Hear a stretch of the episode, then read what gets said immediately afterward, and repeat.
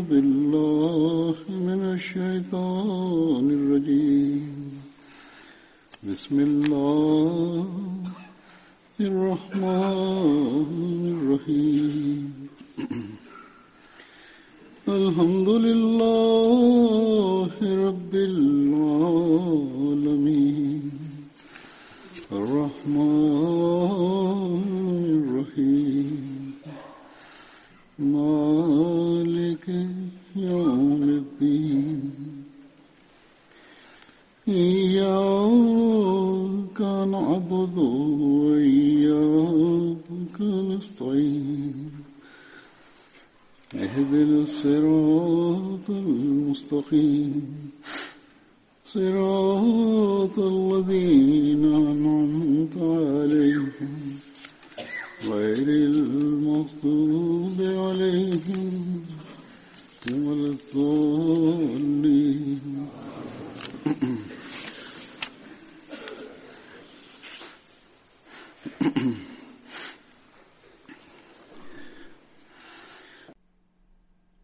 ditë në xhematin tonë organizohen mbledhjet në lidhje me përmbushjen e profecisë rreth birit të premtuar, rreth asaj profecie në të cilën Allahu i Madhërishëm premtoi Mesihut të premtuar alayhi salatu uasselam se do të jepte një djalë të premtuar për të cilin ai tha që ai djalë do të ketë cilësi të veçanta, do të jetë shërbëtor i vërtetë i besimit, do të ketë jetë të gjatë dhe do ta vijojë misionin e Hazrat Mesihut të premtuar alayhi salatu uasselam. Kjo profeci u shpall më 20 shkurt të vitit 1886. kjo profeci tregon mbështetjen e fuqishme të Allahut të Madhërishëm me Hazrat Mesihun e Premtuar alayhi salatu uasselam dhe përbën një shenjë madhështore të vërtetësisë së tij. Kështu që periudha që ishte parashikuar sipas asaj më 12 janar në vitin 1889 lindi ai djalë i cili u quajt Mirza Bashiruddin Mahmud Ahmed të cilin Allahu i Madhërishëm i dha mantelin e kalifatit pas vdekjes së Hazrat Kalifit të parë të Mesihut të Premtuar alayhis salam sot unë do të tregoj disa ngjarje të jetës së këtij birit të premtuar, pra Muslih Maud dhe gjithashtu tregoj do të tregoj se pikërisht ai ishte që përmbushte këtë profeci, por përpara kësaj dua të tregoj në fjalët e vetë Hazrat Mesihut të premtuar alayhi salatu selam, madhështinë dhe rëndësinë e kësaj profecie. Kjo profeci nuk është thjesht e lindjes së një djali, por është një profeci e lindjes së një djali kaq të madh i cili do të sillte një revolucion në botën e fesë. Në lidhje me këtë Hazrat Mesihu i Premtuar alayhi salatu selam duke u përgjigjur kundërshtarëve, kritikëve, akuzuesve tha disa fjalë, pikërisht ato fjalë siç ju thash do t'ju tregoj. Ai thot këtu ai që ka vesh le të shikojë pra Mesihu i Premtuar alejhi salatu selam thot që këtu duhet të shikoni me sy të hapur që kjo nuk është thjesht një profeci, por është një shenjë e madhe qiellore, të cilën Zoti i Madhërishëm ka dërguar për të treguar vërtetësinë e profetit tonë Hazrat Muhammed sallallahu alaihi wasallam dhe madhështinë e tij. Dhe në fakt, kjo shenjë është më e madhe sesa ringjallja e një të vdekuri, sepse ringjallje e të vdekurit do të thotë që të bëhet një lutje te pragu i Zotit edhe që ai të rikthejë një shpirt.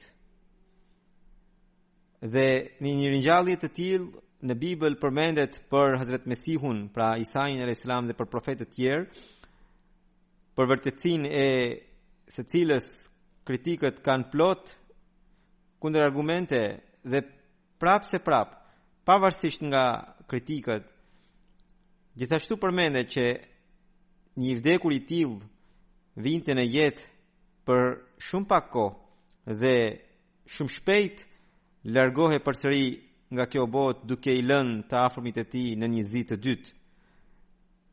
Pra, ardhja e tij nuk i bënte dobi as botës dhe as të afërmve të tij dhe as atij vetë. Prandaj, në qoftë se edhe nga lutja e Hazret Isait alayhis salam kishte ardhur në jetë një shpirt, atëherë ardhja e tij është njësoj si, si mos ardhja e tij. Dhe edhe sikur të supozojmë që në qoftë se ka ardhur një shpirt i tillë dhe ka qëndruar një kohë të gjatë, Edhe ai ka qenë, duhet të ketë qenë një prej njerëzve të rëndomtë, i cili nuk i ka bërë ndonjë dobi i botës. Mesiu i Premtuar alejhi salatu ue selam pra thotë që në qoftë se kanë ardhur shpirtrat nga lutjet e profetëve, edhe ata në radhë të parë kanë ardhur për një kohë të shkurtër, së dyti edhe sikur të ketë ndodhur kjo gjë, ata ishin nga njerëz të rëndomtë, ndërsa thotë këtu me bekimin e Zotit të Madhërishëm dhe me fuqinë bekuese të profetit Muhammed sallallahu alaihi wasallam Zoti Bujar më ka pranuar lutjen dhe më ka premtuar që ai do të dërgojë një shpirt të ri i cili do të lëshojë dritat e tij deri në skajet e botës. Prandaj, kjo shenjë është shumë më e madhe në dukje është sikur ringjallja e të vdekurit, por është shumë më e madhe sesa Aq. Edhe i vdekuri kanë, domethënë, edhe të vdekurit i kthehet shpirti përmes lutjes, por nga, nga ndërsa këtu me anë të lutjes po sillet një shpirt i ri. Pra, Mesiu i Premtuar alejhi salatu ue selam iu lut Zotit dhe Zoti i premtoi që ai do të dërgonte një shpirt të ri dhe thotë se mes këtij shpirti të ri dhe mes atij shpirti që vinte nga i vdekuri ka në mes një det të tërë. Por ata muslimanë që përbrenda janë hipokritë, nuk gëzohen nga mrekullitë e profetit Muhammed sallallahu alaihi wasallam madje brengosen. Kjo është ajo që Mesiu i Premtuar alejhi selam shkroi në Tablighi Risalet. Kështu që siç Mesiu i Premtuar alejhi salatu ue selam tha se ai shpirt nuk do të ishte ndonjë shpirt i thjeshtë, por ishte kërkuar një mrekulli. Duke u përgjigjur, Allahu i Madhërishëm dërgoi një djalë, pra lajmin e një djali me shumë cilësi lajmin e një djali i cili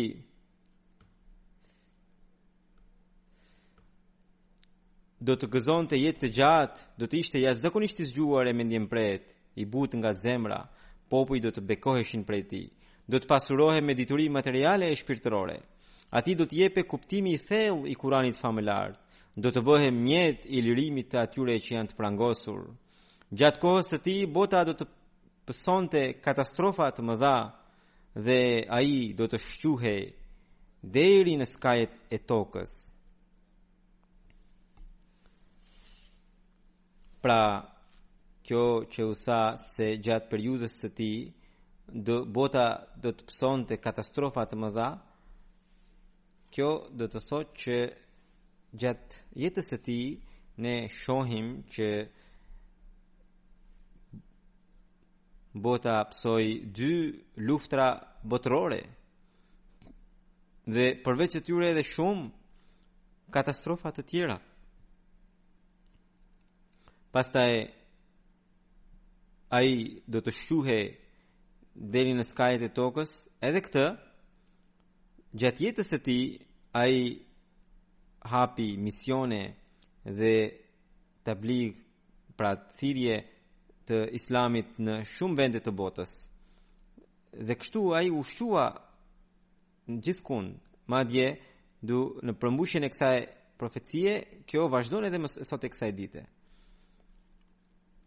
Tani do t'ju tregoj disa gjëra nga jeta dhe karakteri i Hazret Kalifit të dytë, pra të birit të premtuar, siç ju kisha thënë më përpara. Për sa i përket shkollimit të tij, pasi mësoi Kuranin së lexuari, ai u regjistrua në shkollë, madje iu desh që mësues shtesë vinin në shtëpi për të për t'i dhënë mësim edhe të gjuhës urdu dhe gjuhës angleze. Në lidhje me këtë, pra një mësues i quajtur Pir Manzur Ahmed Sahibi u caktua që ai i cili disa ditë i dha mësimin e gjuhës urdu në shtëpi. Më pas u caktua Molvi Sher Ali Sahibi radhiyallahu anhu i cili i dha mësimet bazë të gjuhës angleze, por të gjitha këto në çfarë atmosfere dhe në çfarë rrethanash kanë ndodhur kjo është interesante dhe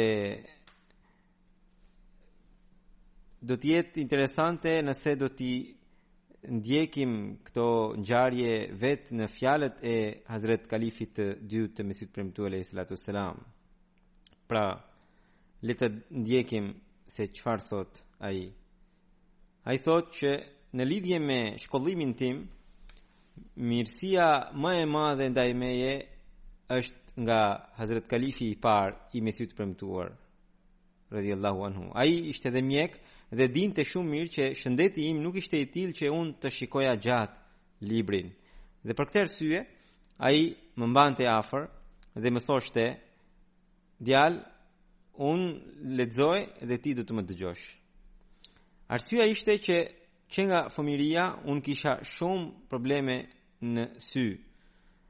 Dhe vazhdimisht për 3-4 vite unë kisha dhimbje në sy dhe për shkak të këtyre dhimbjeve mjeku kishte thënë që unë do ta humbisja shikimin përgjithmonë. Atëherë Hazrat Mesihu i Premtuar alayhi salatu selam u shqetësua për shëndetin tim dhe filloi të bënte lutje të veçanta, madje edhe filloi të agjëronte. Unë nuk e mbaj mend se sa ditë ai kishte agjëruar. Sidoqoftë, ishin 3 ose 7 agjërime që ai mbajti. Dhe Kur po çelte iftarin e agjërimit të fundit dhe ai sa kishte futur diçka në gojë, papritmas unë i hapa sytë dhe bërtita që kam filluar të shoh. Por sëmundja la pasojat e veta dhe unë Nga syri i majtë e humba shikimin, kështu që unë nuk shoh dot nga syri i majtë. Mund të shoh rrugën, por nuk mund të lexoj librin. Në qoftë se dikush i njohuri im qëndron pas 3-4 metrash, unë e njoh. Por në qoftë se është ndonjë i panjohur, unë nuk mund ta përshkruaj fytyrën e tij. Vetëm më punon e, syri i djathtë, por edhe ai është i ndikuar nga syri i majtë. Aq shumë dhimbje kisha saqë net të tëra i kaloja zgjuar. Mesihu i Premtuar alayhi salatu selam u kishte thënë mësuesve të mi që mos, nga, mos e ngarkoni. Le të mësojë aq sa të dojë ai. Në qoftë se nuk mëson, mos e detyroni sepse shëndeti i tij nuk është i tillë që ai ta mbaja mbaj këtë barrë. Hazrat Mesihu i Premtuar alejhi salatu selam vazhdimisht më thoshte që ti mëso përkthimin e Kuranit Famëlartë dhe Buhariun nga Hazret Kalifi, pra nga Molvi Nuruddin Sahibi, pra që më vonë u bë kalifi i parë i tij. Dhe gjithashtu ai më kishte thënë që më të mësoja pak mjekësi prej tij, sepse thoshte që kjo është ky është zanati ynë i trashëguar. Ai thotë që Master Fakirullah Sahibi ishte mësuesi ynë i matematikës, dhe i zgjidhte problemet në drrasë të zezë, por unë për shkak të shikimit të dobët nuk i nuk e shikoja dot drrasën e zezë. Sepse deri aq larg nuk më shkonte shikimi. Pastaj nuk mund të shikoja dot as për kohë të gjatë sepse më lodheshin sytë. Për këtë arsye e quaja të kotë qëndrimin në klasë. Kur më donte shkoja, kur nuk më donte zemra nuk shkoja. Master Fakirullah sahibi një ditë erdhi tek Hazrat Mesihu i Premtuar alejhi salatu selam dhe u ankua për mua duke thënë se unë nuk mësoj asnjë gjë. Herë vjen në shkollë e herë s'vjen. Mbaj mend, kalifi i dytë thotë, mbaj mend Kur Master Sahibi, pra mësuesi, i tha Mesihut të Premtuar alejhi salatu selam këtë ankesë, unë u friksova dhe u fsheha diku në shtëpi duke menduar se Mesihu i Premtuar alejhi selam do të më zemërohej shumë, por kur ai e dëgjoi mësuesin më tha, e, i tha mësues i nderuar ju, është mirësia juaj që po kujdeseni kaq shumë ndaj fëmijës tim. Por unë u gëzova shumë që po shkoka nganjëherë në shkollë. Përndryshe, sipas meje shëndeti i tij është i tillë që ai nuk, nuk është i denjë për të frekuentuar shkollën. Më pas, Mesihu i Premtuar alejhi salatu selam buzëqeshi dhe tha që ne nuk do ta caktojmë atë kujdestar në ndonjë dyqan që ai të mësojë matematikë. Matematikën e mëson s'e mëson nuk ka problem. Fundja i dërguari i Allahut sallallahu alaihi wasallam dhe sahabët e tij s'dinin matematikë. Në qoftë se ky shkon në shkollë, mirë, gjë e mirë është, por nëse nuk shkon, mos e detyroni. Unë fillova të përfitoja nga kjo butësi e Mesihut të Premtuar alejhi salatu selam dhe e lashë fare frekuentimin në shkollë. Një herë apo dy herë në muaj maksimumi shkoja. Kështu që kjo ishte atmosfera se si më vijoi shkolla.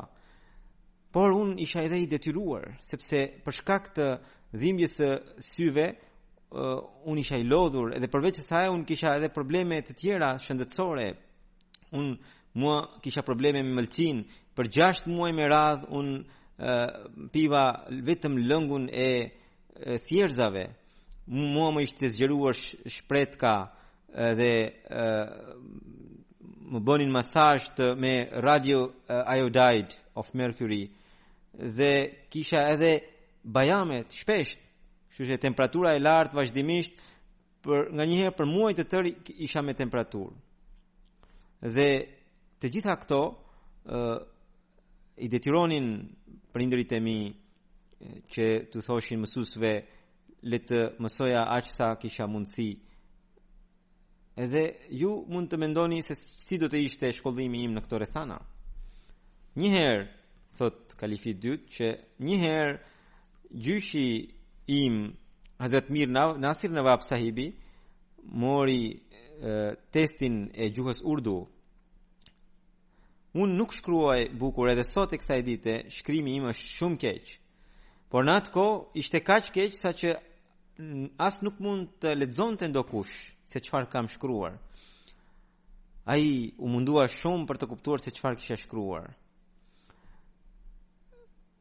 Thotë që nga fëmijët e mi, shumica prej tyre shkruajnë më bukur se unë. Dhe Shkrimi im, në qoftë se ka një të ngjashëm në fëmijët e mi, është vajza ime Amtul Rashid, dhe ne në shtëpi kishim shpesh thoshim që do t'i japim një rupi atij që do ta lexonte shkrimin e saj. E njëta ishte edhe shkrimi, gjendja e shkrimit tim. Dhe un vet nganjëherë nuk arrija ta lexoja atë që kisha shkruar vet. Kur Mir sahibi e pa testin, u zemrua Edhe më tha mua që ti ke shkruar sikur të jenë kunguj këto fjalë. Ai ishte, ai zemërohej shpejt. Edhe i zemëruar erdhi tek Mesihu i Premtuar alejhi salatu ves selam.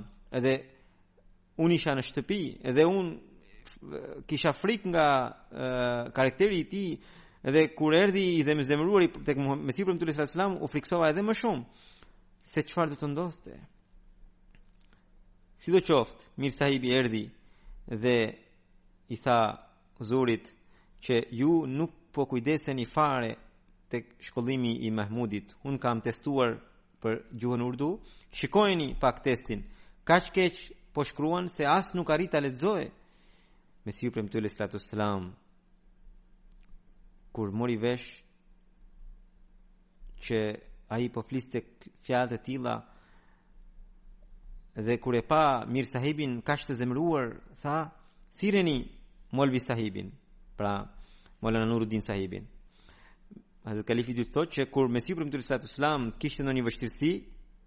Gjithmonë thirrte Hazret Kalifin e parë të tij. Por Kalifi i parë më donte shumë. Ai erdhi dhe si gjithmonë qëndroi kokulur pranë tij. Mesihu i Premtuar alejhis-salatu ves-selam i tha Molvi sahibi, unë ju kam thirrur ju sepse Mir Sahibi thotë që Mahmudi shkruan kaq keq as nuk arrin të lexojë dikush shkrimin e tij. Kështu që unë dua që sot ai të testohet. Duke thënë këtë, Mesihu i Premtuar alejhis-salatu ves-selam mori pendën dhe dy tre rreshta, shkroi dy tre rreshta dhe më më dha mua që unë t'i kopjoja. Dhe kaq ishte te testi që më bëri Mesihu i Premtuar alejhis-salatu ves-selam. Un me shumë vëmendje, me shumë kujdes i kopjoja, kopjova të gjitha fjalët. Në radh të par shkrimi nuk ishte i gjatë, edhe plus kopjimi është gjë gjëja më e lehtë. Gjithçka e kisha përpara.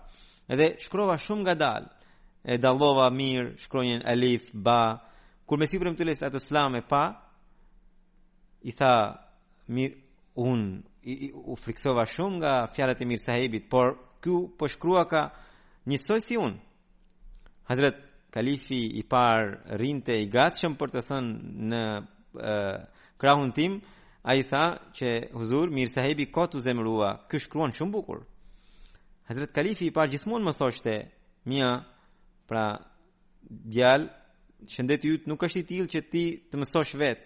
Hajde tek unë, unë do të lexoj dhe ti do të dëgjosh. Kështu që ai së pari më mësoi Kur'anin famëlartë, më pas Buhariun.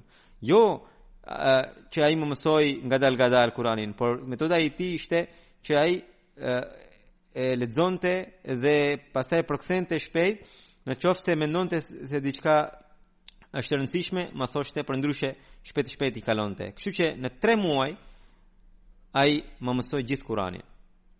Më pas u bënë mungesa dhe pas vdekjes së Hazret Mesihut të Premtuar alejhis-salatu ves-selam, Hazret Kalifi i parë më tha Mian, Djalë, të paktën Buhariun mësoje të gjithën. Në, në fakt unë i kisha treguar atij që Mesihu i Premtuar alejhi selam më ka porositur mua që unë të mësoja Kur'anin dhe Buhariun nga Maulana Nuruddin Sahibi. Kështu që gjatë jetës së tij unë mësova Kur'anin dhe Buhariun, kisha filluar të mësoja Buhariun prej tij, pavarësisht nga mungesat. Gjithashtu sipas udhëzimit të Mesiu Premtu Islam fillova të mësoja edhe mjekësinë prej tij. Mbaj mend që unë dhe Mir Is'hak Sahibi bashkë kishim filluar mësimin e mjekësisë nga kalifi i parë. Dhe madje kemi një shaka në gjithë fisin tonë që Mir Sahibi kur pa, pas ditës së parë kur shkoi në shtëpi i tha së ëmës që nënë më zgjo herët në mëngjes sepse e, Moli Sahibi vjen me vonesë në klinikën e tij dhe unë do të shkoj i pari dhe do t'u jap recetë të sëmurëve. Ndërkohë kishte vetëm një ditë që kishte filluar mësimin. Kështu që unë mbaj mend pra unë mësova mjekësinë dhe Kur'anin komentimin e tij, komentimin mbarova në 2 muaj. Ai nganjëherë më jepte komentimin e gjithë sures nganjëherë gjysmës. Nganjëherë kalonte me shpejtësi Siç thashë edhe Buhariun në 2-3 muaj përfundova pranë tij. Një, një, një, gjatë një Ramazani ai dha komentimin e gjithë Kuranit edhe unë isha bashkë me të. Gjithashtu ai më mësoi disa e, libra të tjerë të gjuhës arabe. Kjo ishte ajo që unë domethënë u bëra shkollimin dhe gjatë asaj kohe unë pashë një ëndër prej Zotit të Madhërishëm, e cila ishte baza e dijes. Pra, këto ishin rrethana në të cilat ishte bërë shkollimi i tij. Por kur shohim fjalimet, hutbet dhe librat dhe sidomos komentimet e tij të Kuranit shohim që ato janë dëshmi që Zoti i Madhërishëm e kishte mësuar atë dhe kjo është një dëshmi e përmbushjes së profecisë. Hazret Mesihu i Premtuar alejhi salatu selam gjatë jetës së tij, pra, Xhelsa Salana që u zhvillua në vitin 1906, ai për herë të parë do të dilte në publik për të mbajtur pra kalifi i dytë i xhematit, që më vonë u bë kalifi i dytë, dhe fjalimi i tij i la kaq shumë mbresa të thella audiencës këtë gjë na përshkruan një ndër sahabët kryesorë të Mesihut të Premtuar alejhi salatu selam i cili gjithashtu ishte poet I shkëlqyeri Hazret Qazi Muhammad Zahuruddin Akmal Sahibi, ai thotë që po fliste një prej kullave të kështjellës profetike dhe kur ai shtjellonte shirkun dhe unë e ndiqja me vëmendje ishte një vërshim i madh i elokuencës që binte pa pushim në një moshë kaq të vogël mendime kaq të pjekura nuk ishin më pak se mrekulli për mendimin tim edhe kjo është shenjë e vërtetësisë së Mesihut premtuar alejhi salatu wassalam sepse ky djalë u rrit në prehrin e tij në shtëpinë e tij. Në atë kohë, kalifi i, pa, i dyti i xhematit, pra i biri premtuar, kishte një dëshirë të zjarrtë për, për të mbështetur fenë. Edhe kjo dëshirë e tregonte që ai ishte që përmbushte profecinë e të birit të premtuar. Edhe vetë Hazrat Mesihu premtuar alejhi salatu wassalam e kishte vënë re dhe herë pas here shprehu mendimin e tij. Njëherë ai tha Mahmudi ka kaq shumë dëshirë të zjarrtë ndaj fesë saqë nganjëherë unë lutem shumë veçanërisht për të. Këto janë fjalët e Mesihut premtuar alayhi salatu wassalam. Natyrisht, këto ishin lutje sepse ai i lutej Zotit që Zoti i Madhërishëm atë ta bënte birin e premtuar, të cilin ai i kishte premtuar në mënyrë që xhamati i tij të ecte përpara dhe lajmet e mira të përmbusheshin në jetën e tij. Në jetëshkrimin e tij të shkruar nga Hazret Mirza Tahir Ahmed Sahibi, i cili më vonë do të bëhej edhe kalifi i katërt i xhamatit, thotë, pra këtë jetëshkrim ai e shkroi pas, pasi kalifi i dytë ndërroi jetë, ai thotë që në fillim të kalifatit të parë, Hazret Kalif, pra Hazret Mirza Mahmud Ahmed Sahibi ishte 19 vjeçar. Ndërsa në fund të kalifatit të parë, ai ishte 26 vjeç. Në këtë moshë të re, ai kishte mendime jashtëzakonisht të pjekura edhe kur ai fliste të linte përshtypje për një njeri të mençur dhe të pjekur. Ligjërimi i tij nuk kishte artificialitet, kurse shkrimet ishin larg tepricave dhe të dy ishin të mbushura me dijet e Kuranit famëlart. Pas ndërrimit të jetës së Mesihut të premtuar alayhi salatu wasalam në moshën 19 vjeçare, ai mbajti një fjalim për të cilin një ndër sahabët kryesorë të Mesihut të premtuar alayhi salatu wasalam, Hazrat Molvi Sher Ali Sahibi radhiyallahu anhu, thotë që një ngjarje që unë dua të përmend në këtë temë është fjalimi i parë i i të birit të premtuar që ai e mbajti në xhelsa salanën e parë menjëherë pas vdekjes së Mesihut të premtuar alehi salatu selam. Kjo xhelsa thotë ai u zhvillua në oborrin e medresesë Ahmedia dhe të cilën e drejtonte vetë Hazrat Kalifi i parë që ishte ulur në krahun e djathtë të podiumit dhe podiumi ishte në në drejtimin e veriut. Dy gjëra janë për t'u përmendur për këtë mbledhje Hazrat Molvi Sher Ali Sahibi thotë së pari atë ditë zëri i tij dhe mënyra e tij e të folurit i ngjanin tërësisht mënyrës së Hazrat Mesihut të premtuar alayhi salatu wassalam dhe Kjo bëri që audienca, gjithë dëgjuesit që sapo kishin ndier ndarjen e jetës së Mesihut të Premtuar Alaihi Salatu Selam, përnjëherë u mallëngjyen dhe shumë prej tyre filluan të qanin me lot duke dëgjuar zërin e Mesihut të Premtuar Alaihi Salatu Selam, i cili sikur vinte nga një gramafon se vetëm qenia e tij nuk ishte aty, por zëri dhe mënyra po ekzistonin. Edhe ndër njëri ndër ata që po qanin ishte isha edhe unë. Në qoftë se mund të themi, kjo është e drejtë për të thënë, atëherë mund të themi që atëherë shpirti i Mesihut të Premtuar Alaihi Salatu Selam po fliste nga shpirti i tij dhe po trombetonte që ky është djali im i dashur, i cili ju është dhënë si shenjë mëshire, për të cilën Zoti u ka premtuar që ai do të jetë shëmbëlltyrë jotja edhe në bukuri edhe në mirësi. Së dyti, në lidhje me këtë fjalim, kur ky fjalim mbaroi, atëherë Hazrat Kalifi i parë Radiallahu anhu mori fjalën ai që gjithë jetën kaloi duke menduar, duke medituar në Kur'anin famëlartë, tha që sot Mahmud sahibi ka thënë disa gjëra për komentimin e Kur'anit që as unë nuk i dija. Molvi Sher Ali sahibi thotë që Ky është fjalimi i tij i parë dhe në fjalimin e tij të parë ai shpalosi urtësi të tilla të Kuranit famëlartë. Pra ky fjalim ishte pas vdekjes së Mesihut alayhis salam. Edhe për atë Hazrat Kalifi i parë i xhamatit, i cili ishte një dietar vigan i Kuranit famëlartë, tha që Edhe ai për herë të parë i kishte dëgjuar.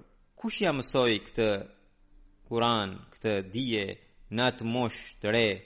Është pikërisht ai i cili edhe për Hazrat Jusufin alayhis salam tha: "Walamma balagha ashuddahu", pra kur ai arriti pjekurinë e tij, ne i dha urtësinë, dijen dhe ne kështu shpërblejmë mirëbërësit.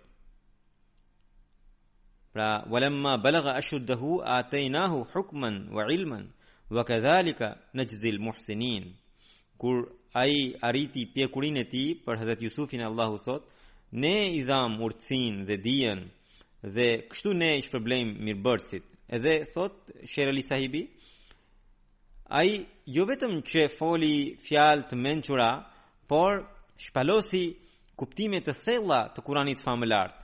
Dhe, sipas Kuranit famëlartë, ku Allahu i madhërishëm thotë, la jemësuhu illa lë mutaharun, që atë nuk mund ta prekë dot askush përveç atyre që janë të pastruar. Dhe fjalimi i tij tregonte që ai i cili sapo kishte dalë nga adoleshenca, kishte kaluar gjithë adoleshencën e tij nën kujdesin e Zotit dhe ishte i pastruar dhe ishte i zgjedhur prej Zotit të madhërishëm për shërbimin e xhematit. Le ta ndjekim edhe dëshminë e një gazetari joahmedian për karakterin e tij. Në mars të vitit 1913, një gazetar joahmedian, Muhammed Aslam Sahib nga Amritsar, erdi në Kadian dhe qëndroi disa ditë. Dhe ai e studioi xhematin nga afër dhe Pasi u kthye në vendin e vet, shkroi një temë të gjerë rreth përshtypjeve të tij. Dhe njëra prej përshtypjeve të tij kryesore ishte edhe takimi me Mirza Bashiruddin Mahmud Ahmed Sahibin. Thotë që unë u gëzova pa masë kur e takova Mirza Bashiruddin Sahibin. Ai ishte shumë i sjellshëm, i thjesht në dukje, por shumë i thellë në mendime. Përveç që bisedave të fesë, unë bisedova me të edhe në lidhje me të ardhmen e Indisë dhe në lidhje me politikat e saj. Dhe unë jam habitur nga mendimet e tij të pjekura edhe në këtë drejtim. Pra, në këtë kohë ai akoma nuk ishte kalif, ishte vitit 1913, në kohën e kalifit të parë.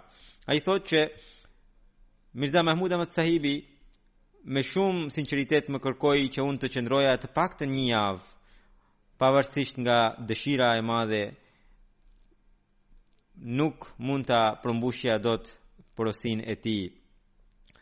Por unë gjithmonë do të mbetem mirënjohës nga për shkak të kujdesit që ai më kishte treguar.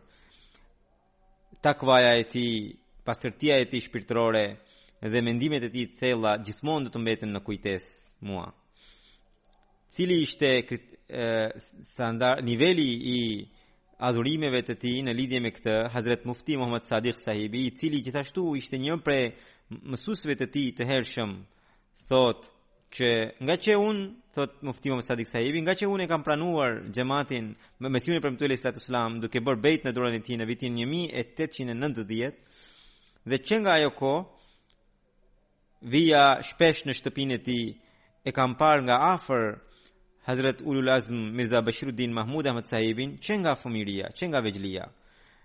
Dhe gjithnjë e kam parë të e, stolisur me virtytet si turpi, sinqeriteti, vërtetësia, që nga fëmijëria ishte i dhënë pas punëve të fesë bashkë me Mesihun e Premtuar alejhi selam bashkë me të shkonte në xhami edhe në xhumatë edhe në namazet e tjera një herë mbaj mend që ai mund të ketë mund të ketë qenë 10 vjeç dhe ai po falej bashkë me Mesihun e Premtuar alejhi selam në xhaminë Aksa të Kadianit dhe ai po qante me dënesë pra që nga vegjëlia ai kishte lidhje të veçantë me Zotin dhe me të dërguarit e tij një tjetër ngjarje të kësaj natyre që i la përshtypje një sahabi të Mesihut të Premtuar alejhi salatu vesselam.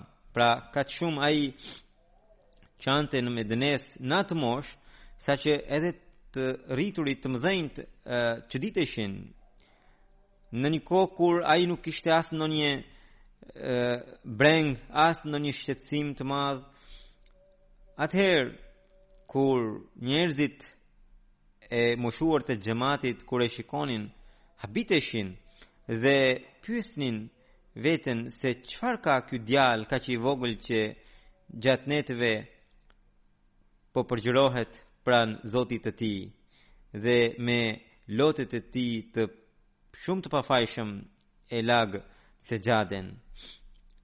Një ngjarje të tillë Pra një ngjarje e tillë e çuditi edhe Sheikh Ghulam Ahmed Sahibin radhiyallahu anhu i cili ishte një sahabi i Mesihut të Premtuar alejhi salatu selam dhe nuk ishte musliman dhe me, në kohën e Mesihut të Premtuar alejhi selam u bë musliman në dorën e tij pra e pranoi islamin dhe më pas u tregua kaq i sinqertë përparoi kaq shumë në besimin dhe sinqeritetin dhe në adhurimin ndaj Zotit saqë filloi ai numërohej nga ata sahabë që merrnin ilham dhe dhe përjetonin keshf pra Sheikh Sahibi thotë që një ditë unë vendosa që sonte pra natën e sotme do ta kaloj në vetmi në xhaminë Mubarak edhe në këtë vetmi do t'i kërkoj Zotit çfarëdo që dua Por kur mbërrita në xhami, pashë që ishte një një njeri në sexhde dhe po i lutej Zotit me shumë dënesa. Dhe nga dënesat e tij unë nuk arria nuk arrita ta falja namazin, edhe kaq shumë më ndikuan dënesat e tij saqë edhe unë fillova të lutesha, o Zot, ky njeri që po përgjërohet kaq shumë Para teje jepia gjithçka që kërkon. Unë pastaj nga kërshëria mbeta për të parë se kush është dhe u lodha sepse ai nuk ngrinte kokën. Nuk e di se prej sa kohe ishte aty. Por kur ai e ngriti kokën, pashë që ishte djali i vogël, Mia Mahmud Ahmed Sahibi. Kur e mbaroi namazin, i thashë selam alejkum, i dhashë dorën. E pyeta, "Çfarë i ke kërkuar Zotit sot?" Më tha, unë i kam kërkuar vetëm një gjë. O Zot, më trego se si e ringjall Islamin. Edhe me të thënë këtë, ai u fut në shtëpi. Pra, kaq shumë ai shqetësohej për islamin dhe pikërisht për këtë arsye Allahu i madhërishëm ia pranoi lutjet dhe që në moshën e re i dha detyrën e kalifatit. Tani do të paraqes një lutje të Hazret Mirza Bashiruddin Mahmud Ahmad Sahibit, të cilën ai përmendi në revistën Tashhizul Azhan. Pra ishte lutja e birit të premtuar përpara se ai të bëhej kalif. Në një botim të kësaj reviste të vitit 1909, Ai botoi një temë për bekimet e Ramazanit dhe pas asaj pra në atë temë shkruan Tek po kërkoja në tavolinën time një temë për revistën Tashhidhul Adhan, gjeta një letër në të cilën kisha shkruar një lutje timen që kisha shkruar gjatë Ramazanit të kaluar. Kur e lexova, ajo më nxiti fort që ta ndaja edhe me anëtarët e xhematit. Kush e di se kujt do t'i pranojë lutjen Zoti i Madhërishëm dhe se si dhe kur Ai do ta bekojë xhematin tonë në të ardhmen. Për të shprehur dhimbjen e shpirtit tim, po ia shtoj temës edhe këtë lutje. Se ndoshta ndonjë shpirt i sinqertë të gjejë fuqi përmes saj dhe të lutet me gjithë zemër përpara Zotit për veten e tij dhe për xhematin e Zotit, gjë që është qëllimi im kryesor. Ajo lutje është, O sunduesi im, o Zoti im i plotfuqishëm, o i dashur dhe udhëheqësi im, o krijuesi i qiejve dhe i tokës, o nënshtruesi i erërave, O ti që dërgove qindra mijëra udhërrëfyes që nga Ademi deri tek Hazret Isai, O ti i larti dhe madhështori që dërgove profetin kaq madhështor si pejgamberi sallallahu alaihi wasallam. O i gjithëmëshirshëm që krijove si udhërrëfyes Mesihun e premtuar në mesin e shërbëtorëve të profetit Muhammed sallallahu alaihi wasallam. O krijuesi i dritës, larguesi i errësirave, te pragu yt, po vetëm te pragu yt është përkulur një rob i poshtër si unë dhe po të përgjërohet. Dëgjoma thirrjen dhe pranoma atë, sepse vetëm premtimet e tua mua më dhanë guximin që të lutem për diçka Isha asgjë dhe ti më krijove. Isha në botën e hiqit dhe ti më solle në jetë. Ti krijove katër elementet kryesor për jetën time dhe krijove njerëz që të kujdesen për mua. Kur unë nuk kisha as fuqi për të shprehur nevojat, caktove njerëz që vetë interesoheshin dhe kujdeseshin për mua. Më pas, ti më rrite dhe më furnizove me ushqim. O shpirti im, o dashuria ime, ti më krijove prej Ademit si baba dhe Havës si nënë dhe më linde në shtëpinë e njërit prej shërbëtorëve të tu, i cili është i nderuar pranë teje dhe i cili lutej dhe përgjërohej dhe të kërkonte mëshirë për një njeri të kotë si unë. Isha mëkatar dhe ti më mbulove gabimet. Isha gabimtar dhe ti më tolerove. Ti më mbajte lidhjen në çdo vështirësi dhe në çdo brengë. Kurdoherë që u përballa me ndonjë problem, ti më ndihmove. Dhe kurdoherë që devijova nga rruga e drejtë, ti më kape për dore. Pavarësisht nga shkeljet e mia, ti më tolerove. Pavarësisht se unë largohesha Ti m'u afrove, isha i pakujdesshëm në përkujtimin tënd, por ti më kujtove.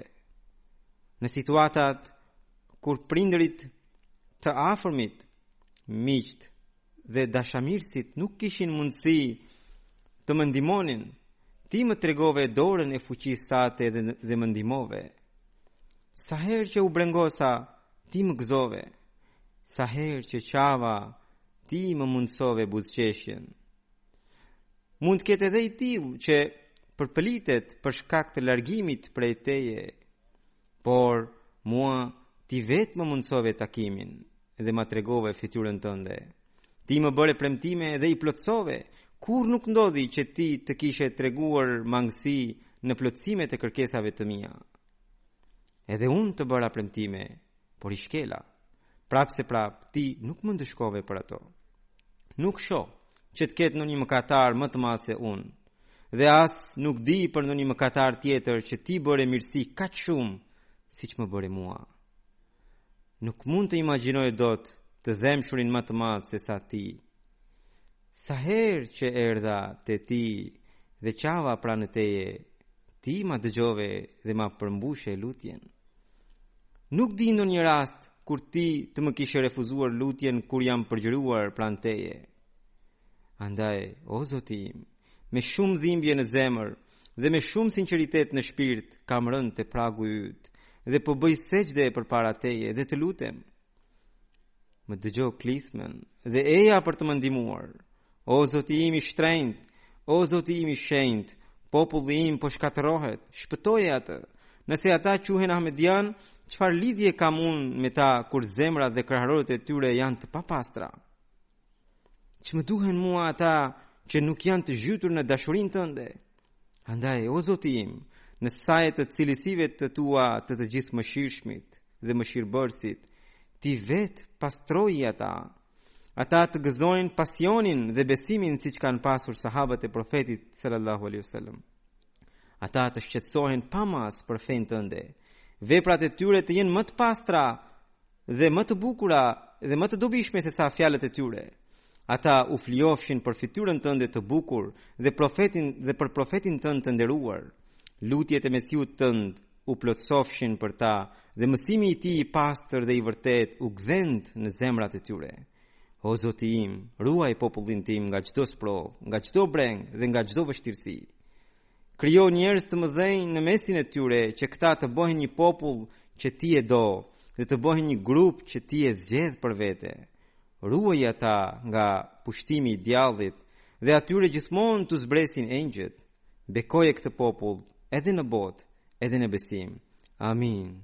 Amin. O Rabbil Alemin. Kjo është lutje që, siç ju thashë, ai kishte bërë në vitin 1909, shumë përpara se të bëhej kalif, kur ai ishte vetëm 20 vjeç. Edhe në atë moshë ai kishte një dhimbje të tillë për besimin dhe për popullin. Zoti i Madhërishëm e mëshiroftë mijëra e mijëra herë. Ai u mundua natë e ditë gjatë gjithë jetës për të përhapur fenë e profetit Muhammed sallallahu alaihi wasallam dhe për të përmbushur misionin fisnik të Mesiut të premtuar e të Imam Mehdiut dhe duke përmbushur